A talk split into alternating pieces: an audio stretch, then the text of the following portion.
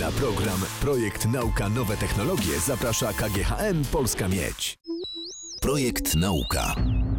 Przed mikrofonem Krzysztof Majewski. Tobiasz Wojnar i Łukasz Skwarszczow, Koło Naukowe PWR Aerospace. Dzień dobry. Dzień dobry. dobry. Czym zajmuje się Koło Naukowe Aerospace na co dzień? Czym zajmowaliście się w zeszłym tygodniu? Zajmujemy się wszystkim, co nam przyjdzie do głowy związanego z kosmosem. Od balonów stratosferycznych, które latają po kilkadziesiąt kilometrów, poprzez rakiety, czy to jakieś konkursy międzynarodowe związane z NASA, mhm. E, czy też właśnie projekt Polish Fireball Network, który polega na obserwowaniu meteorów. O tym będziemy dzisiaj rozmawiać, ale rozumiem, że kiedy Falcon X startuje Elona Muska, to wy jesteście podekscytowani i wisicie przed komputerami, obserwując jak to to startuje. Tak, zazwyczaj w trzech, czterech mieszkaniach jest taka większa grupka ludzi, pozostali gdzieś tam sami z telefonami, laptopami siedzą. I obserwują start rakiety, no i w wypadku akurat tej również lądowanie, niekoniecznie spadanie do oceanu na jakimś spadochronie. Będziemy rozmawiać o meteorach, a chciałbym uzgodnić pewne kwestie na sam początek, bo meteor, meteoryt, bolid, tych nazw jest dużo,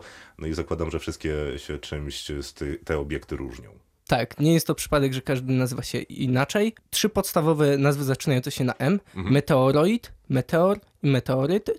Dobra, ten ostatni to leży, ten środkowy to leci, a ten trzeci to nie wiem. A ten pierwszy jest zanim jeszcze w ogóle zetnie się z naszą atmosferą. Okay. Czyli wszystko, co jest w, w kosmosie, przelatuje przez naszą atmosferę i świeci i wylądował. A to ja użyłem jeszcze jednej nazwy, która nie zaczyna tak. się na M, to był z kolei bolid. Bolidy są to bardzo jasne meteory. A z czego wynika ta jasność? Ma akurat taki skład, że gazy palą się chętniej w naszej atmosferze, mm, przez co... Nie gazy są to y, nie gazy są to zazwyczaj skały, ale tak, ma, y, są to większe masy i, i szybciej lecące, przez co jest jaśniejsze. Wy obserwujecie te obiekty, które wchodzą w naszą atmosferę za pomocą kamer? Dokładnie tak. W chwili obecnej nasza stacja e, dysponuje już dwiema kamerami. Te kamery zainstalowane są na wschodniej stronie budynku T22 na jej dachu. To jest e, jeden z akademików Politechniki Wrocławskiej na Wittiga. No, kto mieszka we Wrocławiu na Dolnym Śląsku, ten Do, zna te akademiki.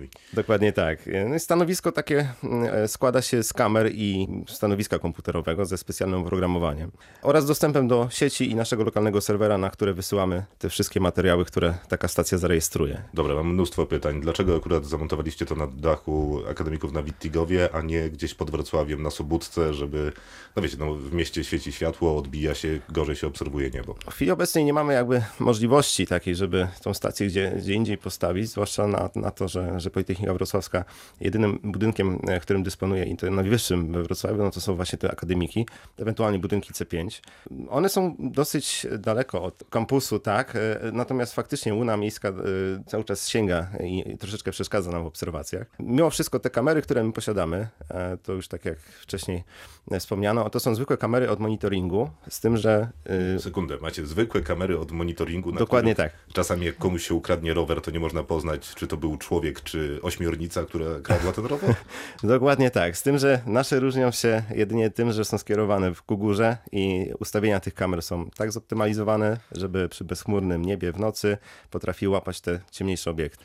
Jaśniejsze obiekty. Y, jaśniejsze obiekty również, tylko te ciemniejsze trudniej wyłapać, a one też często są spotykane właśnie na takim niebie. No, chcecie mi powiedzieć, że przy pomocy kamery przemysłowej można zaobserwować cokolwiek, co się dzieje na niebie? Dokładnie tak. W zasadzie każdy dysponując y, komputerem osobistym, czy też e, na przykład aparatem fotograficznym, albo lepszej jakości kamerą internetową jest w stanie taką stację założyć u siebie w domu. Przy czym te kamery są tak skalibrowane, że w momencie, kiedy po raz pierwszy je odpaliliśmy, to myśleliśmy, nie, coś, coś musi nie działać, dlatego że przy normalnym świetle widzialnym ekran był zupełnie biały że są tak dostosowane do ciemnych warunków po prostu. To jest dla mnie mocno zaskakujące, że przy sprzęcie, który jest relatywnie tanim e, bardzo instrumentem, można obserwować niebo i spadające jakieś tam obiekty. Ale czy to nie jest na tyle słaby sprzęt, że dosyć łatwo pomylić na przykład samolot z meteorem albo jakiś inny obiekt latający? Oprogramowanie, które posiadamy i jest zainstalowane aktualnie na komputerze, potrafi e, taki sygnał wideo przechwytywać z wielu kamer i na bieżąco taki sygnał analizować. I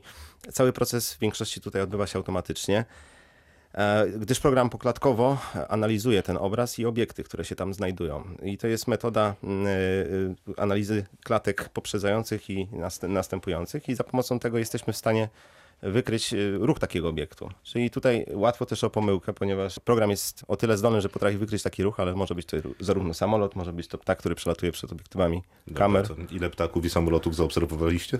Oj, to, są, to jest y, większość naszych obserwacji. Dlatego, dlatego też te informacje, które dostajemy właśnie y, na nasz serwer, one są wysyłane od razu po zarejestrowaniu tego obiektu. Dodatkowo one posiadają szczegółowe informacje, o której to zostało za- zarejestrowane. Możemy to skorelować też e, ewentualnie z, z innymi stacjami, które funkcjonują na terenie Polski. A dużo jest takich stacji? Ponad 30 w tej chwili. W chwili Tak, jest. 30. Sieć bolidowa posiada 70 kamer aktualnie obserwujących niebo, więc I to są sporo. jednostki, stacje, które funkcjonują przy właśnie politechnikach, uczelniach. W większości nie. W większości to są e, ludzie, którzy się e, pasjonują e, kosmosem tak jak my, ale nie związani raczej z, stricte z ośrodkami nauki.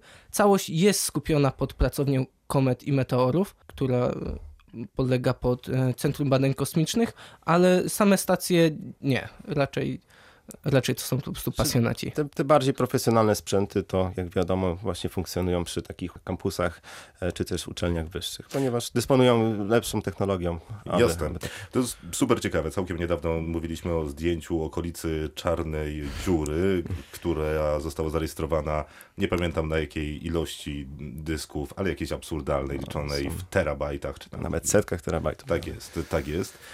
A, a teraz mówicie mi, że wystarczy mi kamera przemysłowa do tego, żeby obserwować e, dosyć skutecznie niebo, bo udało się, zgaduję, zarejestrować jakieś obiekty, które wchodzą w naszą atmosferę. Dokładnie tak, tych obserwacji jest dosyć dużo, z tym, że no, jedyną przeszkodą to, jest, to są chmury, które występują i one już niemożliwiają nam obserwację właśnie takich obiektów. No my jesteśmy częścią większości, e, także żeby ta obserwacja była pełna, e, to, to te wszystkie dane muszą gdzieś być razem łączone w jedność, czyli dane e, z, naszego kraju spływają do e, właśnie tej organizacji i i tam za pomocą porównywania jesteśmy w stanie określić trajektorię tego obiektu, e, gdzie ewentualnie e, taki obiekt spadł, e, czy, czy też no, chociażby jasność i, i inne, inne informacje o tym obiekcie.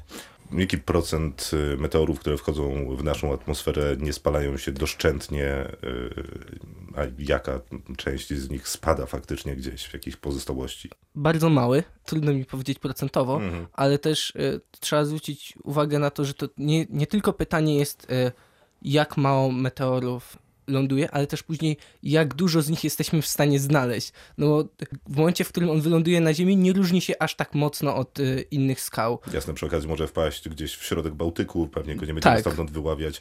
Dokładnie. A udało, podjęliście jakąś taką próbę po tym, jak namierzyliście jakiś meteoryt, który gdzieś y, waszym zdaniem spadł, pojechaliście na miejsce zobaczyć, czy hmm, no może tu jest. Może Niestety nie. czeka nas 25 kg złota. Niestety nie, jedynie, jedynie dajemy jakieś informacje dla innych osób, które się w tej chwili e, tym znajdują, ponieważ to z reguły, to co widzimy na niebie obecnie, e, no to, to może być e, meteor, który spadnie gdzieś na drugim końcu Polski, także taka wyprawa będzie daleka i e, na pewno czasochłonna. To, co jest w sumie dosyć ciekawe, że w momencie paradoksalnie nie jest tak, że największe, najszybsze meteoryty to są te, które docierają na Ziemię. Jest wręcz dokładnie na odwrót. Meteor musi lecieć wystarczająco wolno, żeby się nie spalił w całości, bo czym szybciej leci, tym większe jest tarcie i, i z tego się spalają.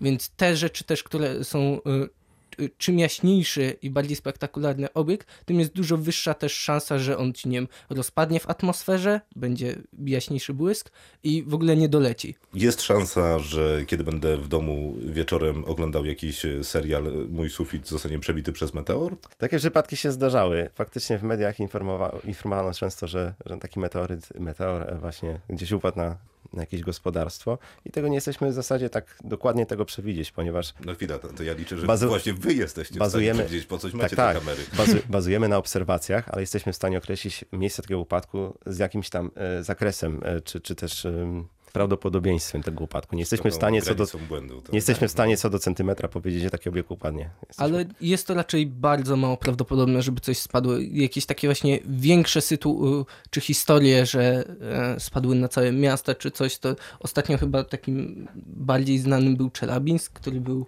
dobrych tak. parę lat temu. Tak, tak, dosłownie tak, do, dokładnie tak. Ile byście chcieli mieć e, kamer na Wittigowie albo gdziekolwiek we Wrocławiu rozstawionych, żeby mieć e, takie pokrycie nieboskłonu, które by, by was w pełni satysfakcjonowało? Tak jak już wcześniej powiedziałem, dysponujemy y, już drugą kamerą i ona daje nam praktycznie pokrycie, szeroki, szer- szeroki zakres pokrycia, to już, to już jest dużo. 120 stopni powiedzmy? 120 stopni to już jest dosyć dużo. Natomiast może nie tyle co ilość kamer, a lokalizacja takich kamer jest dla nas najważniejsza, ponieważ e, im bliżej miasta, tym e, mniej tych obserwacji, zwłaszcza na, na występującą tutaj łunę od latarni ulicznych. E, Jesteśmy teraz w stanie, y, w trakcie uzgadniania lokalizacji z Politechniką Wrocławską. Dysponuje, y, Politechnika Wrocławska dysponuje ośrodkiem w Szklarskiej Porębie i być może tam się uda w najbliższym czasie taką stację otworzyć. Będzie to druga stacja. No to życzę powodzenia. Mam nadzieję, że dzięki wam kiedyś nie spadnie mi meteor na głowę, albo kiedyś wyciągniecie z niego być może jakąś no- nową formę życia, o której jeszcze nie wiemy. Byłoby całkiem idealnie pewnie. Tobiasz Wojnar, Łukasz Skwarszczow, Koło Naukowe PWR Aerospace. Dziękuję serdecznie. Dziękujemy. Dziękuję bardzo. Na program Projekt Nauka Nowe Technologie zaprasza KGHM Polska Miedź.